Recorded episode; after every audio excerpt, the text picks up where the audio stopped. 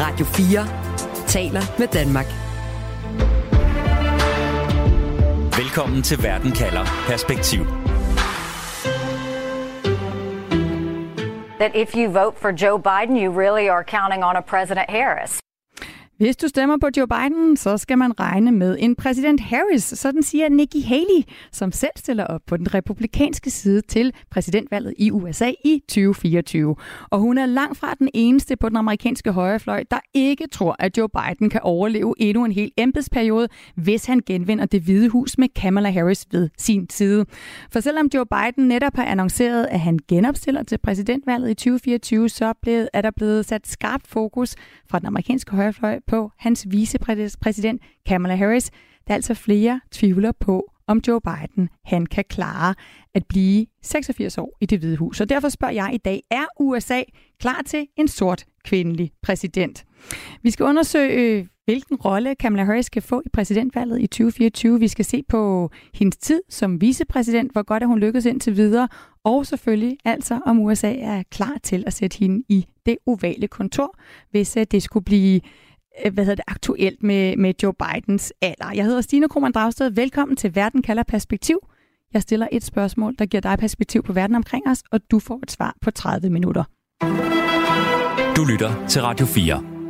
Og i dag der får du blandt andet svar sammen med Sara Maria Klanorski, forfatter og USA-journalist med base i New York, men denne gang med fra København. Velkommen til Verden kalder, Sara. Tak skal du have.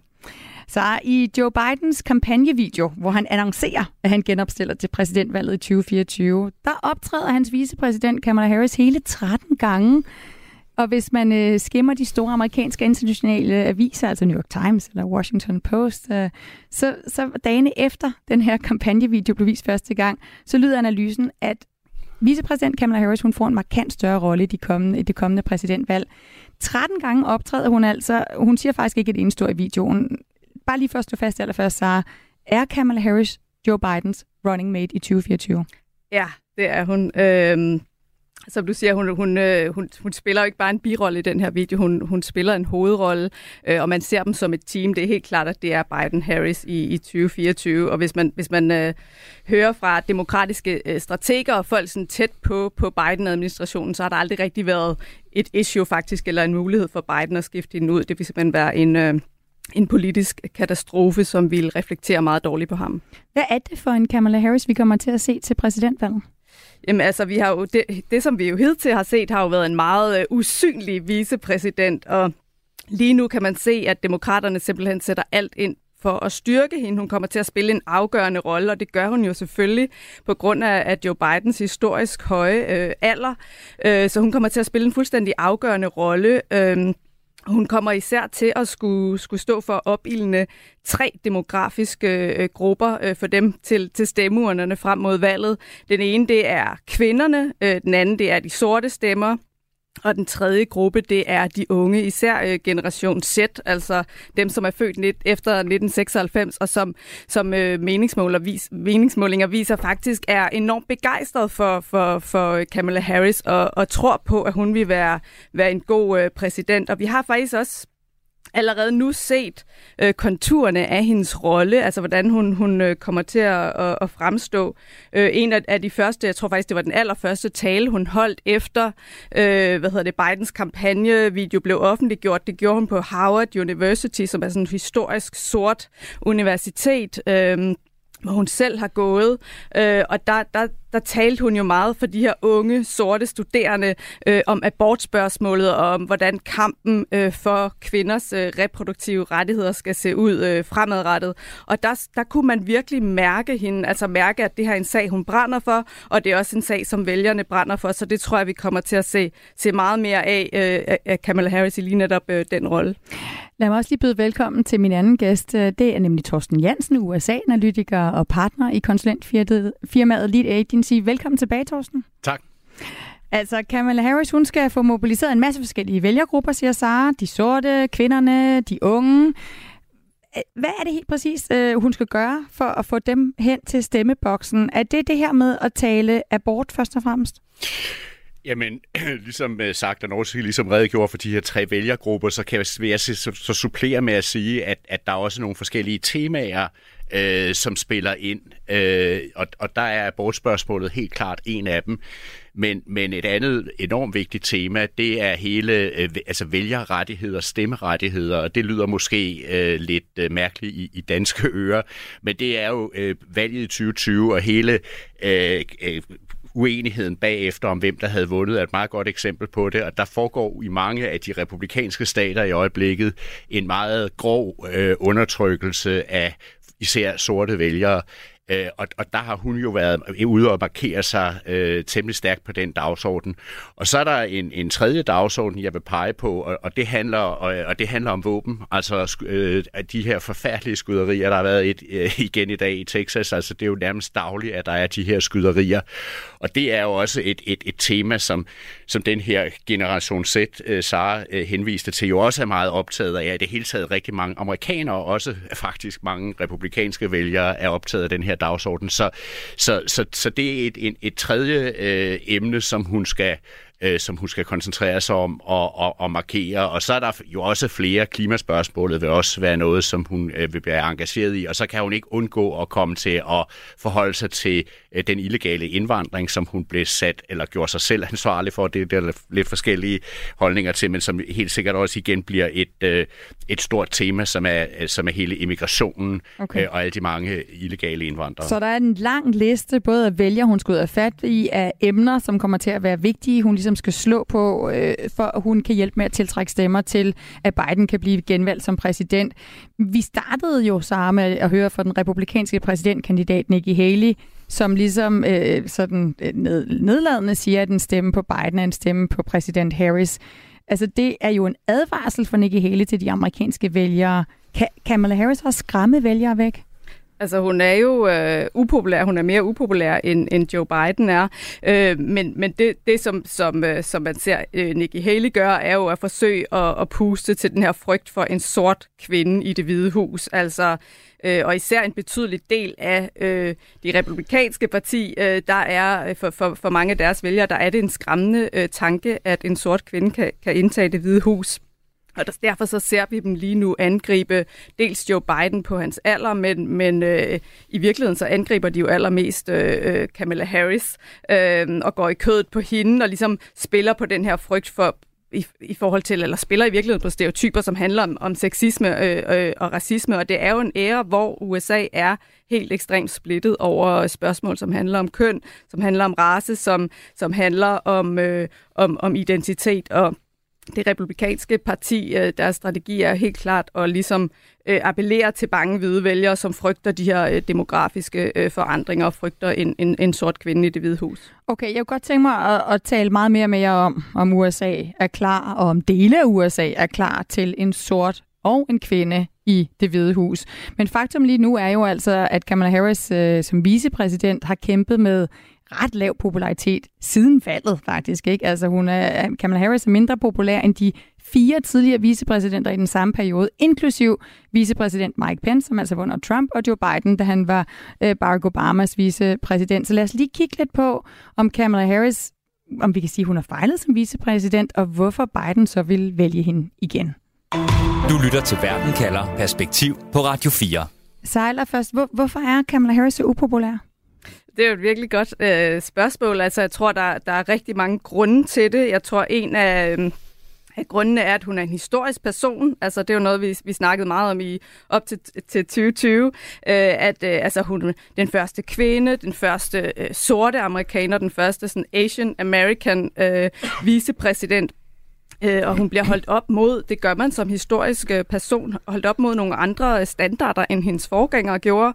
Jeg tror også, man skal se noget af kritikken, altså det her enorme fokus, der er på hende. Øh, altså jeg er for eksempel aldrig blevet spurgt om, øh, hvordan Mike Pence har klaret sig, øh, og, og, og en del af kritikken skal man også ligesom se i lyset af Bidens alder, altså øh, at hun kan øh, gå ind og i, i virkeligheden øh, øh, erstatte ham i morgen, hvis det er, fordi han er så gammel. Øh, så tror jeg igen, racisme og sexisme spiller ind, som vi kommer til at tale mere om. Jeg tror også, at altså, det at være vicepræsident er bare ikke den bedste affyringsrolle eller det bedste sådan, udstillingsvindue, øh, mm. hvis, man, hvis man gerne vil sælge sine egne sejre. Og så har Biden-administrationen heller ikke gjort det specielt øh, nemt for hende. Hun har jo blandt andet været sådan øh, ansigtet på, eller haft ansvaret for øh, immigrationspolitikken, altså for, øh, for Biden-administrationens øh, indsats ved den sydlige grænse, altså til Mexico, og den enorme indvandring og de store udfordringer, som USA har med... Øh, med hvad hedder det, indvandring fra Centralamerika. Og det er bare øh, en, en, et enormt svært øh, emne at løfte og løse, og derfor så, øh, så det er noget af det, der i hvert fald har, har gjort, at, at det har været svært for hende. Okay, der er øh, men, grunde, men altså, ja. når, når, når det så er sagt, så har hun jo også, altså, hun har også kæmpet med, med, med ligesom at finde sig til rette i rollen og markere sig og brænde igennem. Mm. Og noget af det, som folk jo, hendes egen stab klager over, at hun også er en dårlig leder, at der er problemer i hendes, sådan, øh, i hende, på hendes kontorer, i, i, i i hendes administration, og, og at, at folk måske også har svært ved at finde ud af, hvem er hun, hvad står hun for, hvad vil hun med Amerika? Mm, okay. Øh, altså, Torsten, vi taler om en kvinde, som har været det, der svarer til altså, justitsminister ikke, i Kalifornien, en Præcis. kæmpe delstat. Ikke? Jo. Vi taler om en kvinde, der har været senator og var kendt for, eller har været kendt for at være enormt skarp, stillet nogle af de hårdeste spørgsmål, når der har været højesteretsdommer og andet, der er blevet grillet, øh, som nu er, som de ynder at sige på tv-kanalen Fox News for tiden, a heartbeat away from becoming president de her lave meningsmålinger, kan vi konkludere for dem, at hun har fejlet som vicepræsident? Ej, det synes jeg ikke, øh, man kan 100% i hvert fald. Altså, øh, jeg synes også, at, at der ligger en sandhed i, at hun ikke er blevet behandlet særlig godt af Bidens stab. Altså jeg ved, det er svært at kunne sige præcis, hvordan relationen er mellem, mellem Joe Biden og Kamala Harris, men jeg, jeg kender et par stykker, der arbejder i, i det hvide hus øh, på, for deres team, og når jeg taler med dem, er det bare helt tydeligt, at, at, at de regner hende ikke for noget. Altså, øh, og, og det tror jeg, at de på en eller anden måde er nødt til at revurdere lidt. Jeg, jeg synes, hun har fået en hård medfart øh, internt i det hvide hus. Øh, og så synes jeg også, at hun har fået en urimelig med, hård medfart øh, i pressen. Altså, det er som om alle bare øh, sådan nærmest kæmper om at sige, øh, overgå hinanden i at fortælle, hvor forfærdelig hun er. Og, og lidt som du siger, jeg kan altså ikke se, at hun skulle være helt så forfærdelig. Hun, er, hun har gjort det godt i Kalifornien. Hun er blevet valgt ind som senator. Altså, hvis hun skulle blive præsident, øh, altså under forudsætning af, at Biden og hende vinder øh, valget i 24, og hun så på et eller andet tidspunkt er til, skal træde til, så vil hun jo være væsentligt mere kvalificeret end nogen andre øh, vicepræsidenter. I hvert fald en, en Barack Obama øh, var, da han blev præsident procent og sådan noget. Mm. Så, så, så hele det der kvalifikationsspørgsmål, det synes jeg i hvert fald er helt skævt. Men der er så et eller andet, måske der simpelthen kommer ned til kemi mellem hende, hende og Biden. Ikke? Altså, du har jo du har øh, dækket øh, Obama øh, og hele hans øh, kandidatur og vej til præsidentembedet og periode intensivt, Torsten. Øh, vi, vi så jo, hvordan der var den her altså den her bromance nemlig mellem, næsten ikke mellem Obama og Biden, eller ikke næsten, den var der, øh, hvor, hvor, vi, hvor vi så har oplevet sådan Kamala Harris, der har været overraskende usynlig. Hvorfor tror du ikke, at Biden har givet mere plads til hende? Er det, er det fordi det også har været sådan en, en konkurrent, den her unge sorte kvinde? Jeg tror sådan set, kemien mellem dem er meget god, og hvis vi skal gå tilbage til der, hvor du startede netop med den her kampagnevideo, så ser de jo godt ud. De klæder hinanden på, på, på video, de klæder hinanden på, på billeder, fordi de tydeligvis godt kan lide hinanden, og den ene er ældre, og den anden er yngre, og den ene er hvid, og den anden er sort, og sådan noget. Så de, de på en eller anden måde er et meget godt visuelt par. Øh, men, men der er sådan nogle ting ved hende. Hun, hun har, mange synes, hun har en irriterende stemme.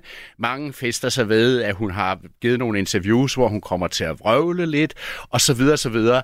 Men, men, men hvorfor... Øh, jeg, så jeg tror, hvis jeg skal svare på dit spørgsmål, jeg tror ikke, det er så meget Biden, der er problemet. Jeg tror mere, at det er Bidens team, der er problemet.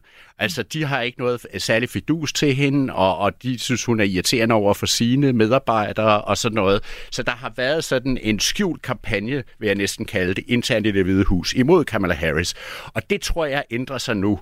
Fordi nu er, ved de godt, at hvis de skal vinde, øh, så skal de simpelthen få hende op i gear. De skal tale hende op, de skal sende hende ud til nogle ting, som giver mening, som er spændende, som tiltrækker vælgerne osv. Så, så jeg tror, vi kommer til at se en meget anderledes Kamala Harris fra nu af.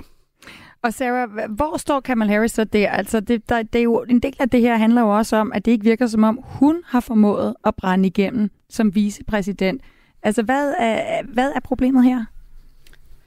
Altså, hvad, hvad tænker du på? Jeg tænker på i forhold til, om, om hvorfor hun ikke har brændt nok igennem. Man kan, man, vi kan, der var jo store forventninger til, netop hun kom som en meget erfaren, men stadigvæk ung kvinde, øh, med den her baggrund, kvinde, sort, øh, som, som på en eller anden måde skulle være et kompliment til, til Joe Biden. Og så har vi ligesom ikke hørt så meget for hende. Hun har været usynlig. Hvad er grunden til, at hun ikke har brændt mere igennem, tror du? Jamen igen, altså jeg, jeg, jeg tror, at hun har haft svært ved, altså hvis man skal, skal, skal se på, hvad hendes egen stab har sagt, altså så har hun haft svært ved, hun har kæmpet med øh, sin egen rolle og med at finde sin stemme. Mm. Og, og så igen, altså det, det, er en, det er en svær rolle at være, være vicepræsident. Man skal både være lojal, øh, og man skal ikke overskygge øh, præsidenten. Og så tror jeg også, altså noget, som man, som man måske også lidt glemmer øh, nu, nu her, fordi det går så stærkt i amerikansk politik, er jo, at i to år, der, der sad hun faktisk med den afgørende stemme i, i senatet, og var på en eller anden måde enormt bundet til, til Washington også, og, og en stor del af hendes indsats var jo også at sidde med et, med et splittet senat, som var 50-50 i to år øh, hvor hun havde den afgørende stemme. Øhm, så hun har simpelthen ikke haft mulighed simpelthen heller af, af helt praktiske grunde. De har brug for den stemme. Hun har ikke kunnet tage ud ligesom og, og stå på scenen og være så synlig øh, af den grund. Øhm, okay, Sara Thorsten, lad os lige... Øh, altså en ting er, om Kamala Harris øh, selv mener, hun er klar, om Joe Biden mener, hun er klar til at være next in line til præsidentembedet. Noget andet er jo, om USA, om de amerikanske vælgere er klar til en sort kvinde i det ovale værelse. Radio 4 taler med Danmark. Og nu kalder vi hende sort, Sara. Altså Kamala Harris far indvandrede fra Jamaica, hendes mor fra Indien. Øhm, kan, kan vi ikke lige prøve lige at få at starte med at sætte nogle ord på, det kan godt være, det kan være svært at forstå for nogen her i Danmark, hvorfor hun overhovedet bliver opfattet som sort? Ja, altså, hun er jo mixed race, kan man sige, ikke? Men altså, øhm, og hun er, altså hun er den første, hun er den første sorte, hun er den første, altså hun har, hun har sort, mørk hudfarve, ikke? men altså hun er jo Asian American, hvis man skal sige det, eller sådan mere mixed race, ikke? Mm. Hun bliver hun blev i hvert fald set som sort i, i USA og kaldt den, den første sorte øh, kvindelige vicepræsident. USA har jo allerede haft en sort præsident, Sarah Barack Obama. Øh, har han bare banet vejen for, at man altså sagtens, hvis vi lige tager det med kvinde ud af ligningen, man kan sagtens være sort og blive valgt som præsident i USA nu? Altså, det var jo, øh, det var jo i hvert fald sådan, øh, altså det kunne man jo, men øh, det var jo, det var jo ligesom illusionen, kan man sige, på det her tidspunkt, hvis man spoler tilbage, sådan en kortvarig illusion, at nu var Amerika ligesom nået til det her sådan postraciale øh, samfund, hvor øh, hudfarve ikke længere betød noget, og vi var ligesom nået til Martin Luther Kings gamle drøm om, at man ikke længere blev, blev bedømt på sin, på sin hudfarve, men alene på, sin, på sine evner og sit talent sin karakter. Øh, men det vi så med Obama var jo, at, at der kom, og det skal man huske med USA, at vi tænker måske nogle gange på, på fremskridt og på sådan kampen for sådan øh, raceretfærdighed og kampen for, for frihed og, og lighed og sådan noget, som sådan en linær øh, bevægelse, der bevæger sig fremad, men i virkeligheden så er USA jo en nation, som i den grad er skabt af bevægelser og modbevægelser. Og det, som vi så med, med efter fremskridtet med, med Obama i det hvide hus, der så vi jo et voldsomt sådan modreaktion, et backlash mod, mod lige netop en sort mand i det hvide hus, øh, selv skrevet rigtig meget om, hvordan højrefløjen mobiliserede omkring frygten for en sort mand i det hvide hus. Frygten for, at, at USA i, i 2043 vil, vil, der vil hvide være, være i mindretal. Og, og det, altså, det er noget, som virkelig har, har mobiliseret øh, højrefløjen og mobiliseret øh, hvide kræfter, som, som er enormt bange. Og det vi så var jo også, kan man sige, efter Obama, der kom, kom Donald Trump. Så, så det er sådan øh, et skridt frem og to tilbage, eller to skridt frem og et tilbage. Så, mm. så på den måde kan man kan man ikke sige, at nej, nej, øh, alting blev, blev løst med Obama. Og Obama tabte også uh, Torsten midtvejsvalget efter uh, altså det første midtvejsvalg i, stor, i høj grad, fordi han tabte rigtig mange hvide vælgere nede sydpå, mm. som havde stemt demokratisk før, og, og så stemte republikansk. Um, Udover at være sort, så er Kamala Harris også kvinde. Torsten, den sidste kvinde, der prøvede at blive valgt som præsident i USA, det var Hillary Clinton. Hun tabte til Trump. Hvor stor en udfordring er det at være kvinde, hvis man vil være præsident i USA? Jamen altså, der er jo mange, der vil sige, øh, som svar på det spørgsmål, at det er nemmere at være sort, end at være kvinde. Altså, det var i hvert fald den konklusion, mange drog, altså da, øh, altså, da Hillary tabte, ikke? Altså, øh, til Trump, at, at det var at det var nemmere at være sort som Obama end kvinde som Hillary. Øh, det, det er jo svært at, at, at sige, om, om det er rigtigt eller, eller, eller ej, men, men, men, men jeg tror da, at det vil være en udfordring og for mange øh, vælgere, og jeg tror, som så meget andet i USA, så vil, der være, så vil det være fint med cirka halvdelen af, af vælgerne, og, og helt forfærdeligt for den anden halvdel. Ikke? Og, og det er jo ligesom det, der er øh, tragedien i amerikansk politik i de her år. Ikke? Det er, at, at, at, øh, at der er ikke... Øh, at, at det er ligesom, som om grøfterne bliver bliver større og større, og skulle det, øh, altså skulle det blive øh, et, et, et, et rematch med, med Joe Biden og Kamala Harris, øh, så, så er der ingen tvivl om, at det bliver, øh, at det bliver udfordrende, og det bliver under alle omstændigheder, tror jeg. jeg. Jeg er bekymret for den valgkamp. Jeg tror, det kan blive uhyre beskidt mod, mod Kamala Harris.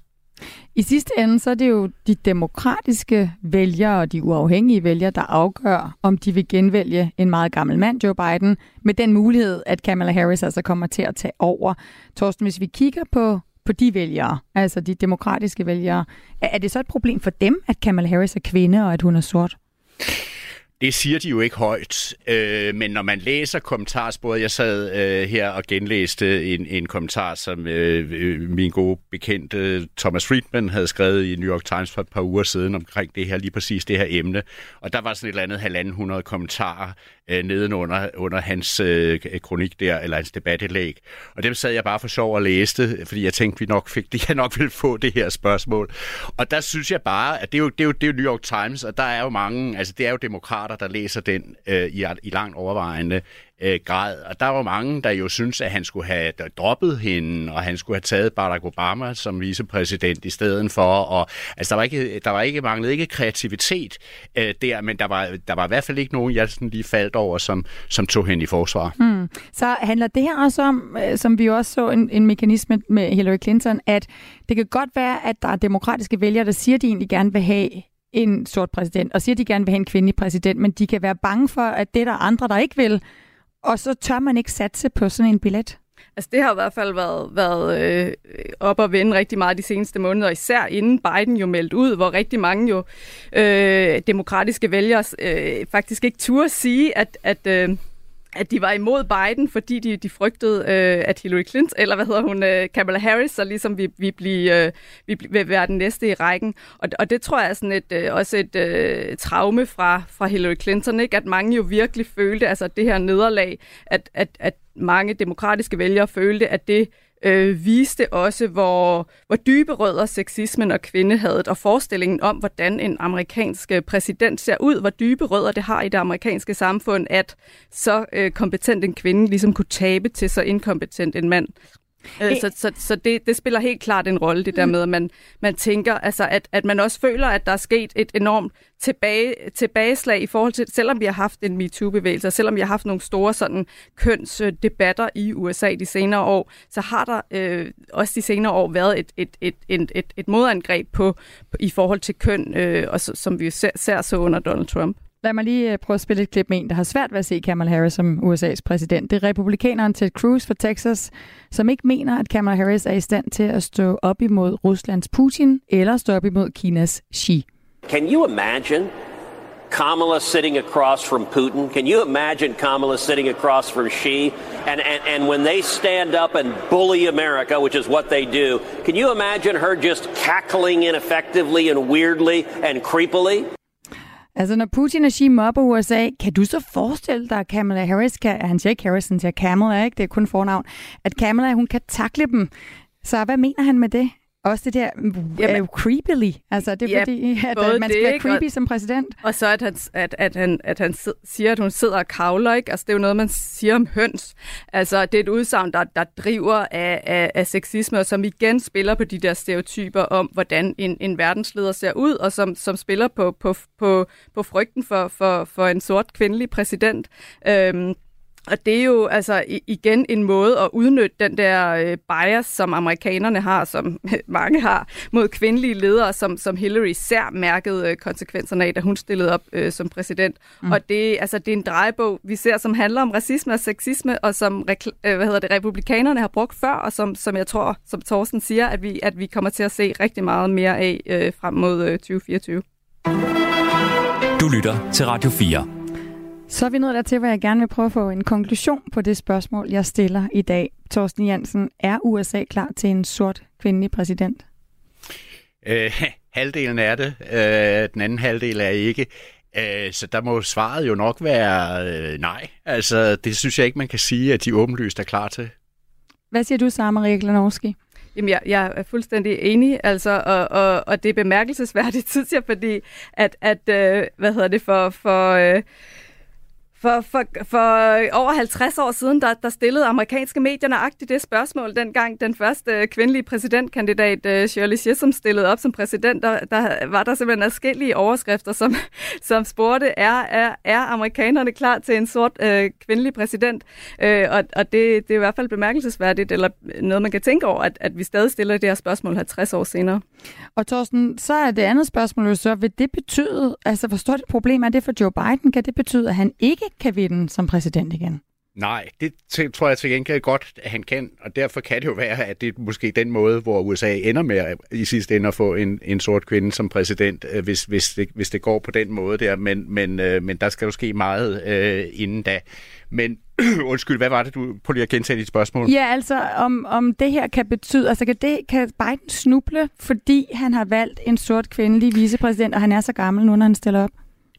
Ikke hvis de angriber det rigtigt. Altså hvis de udnytter hende i de områder, hvor hun er stærk, over for de vælgergrupper, hvor hun står stærkt. Og de meningsmålinger, vi, Sara, jeg og alle os andre, kan, der følger med i det her, kan kigge ind i, er slet ikke detaljeret nok til, vi kan se det. Altså hvis hun kan komme ned til Georgia, som er en nøglestat, hvis hun kan komme derned og, og, og begejstre de unge vælgere, sorte vælgere og sådan noget, så kan det hun, hun stadigvæk være en, en god øh, vicepræsidentkandidat. Altså så, så fremt, at han gør det godt øh, på den store scene, og ligesom har øh, dirigentstokken, og hun ligesom koncentrerer sig om de grupper, som hun skal øh, mm. koncentrere sig om.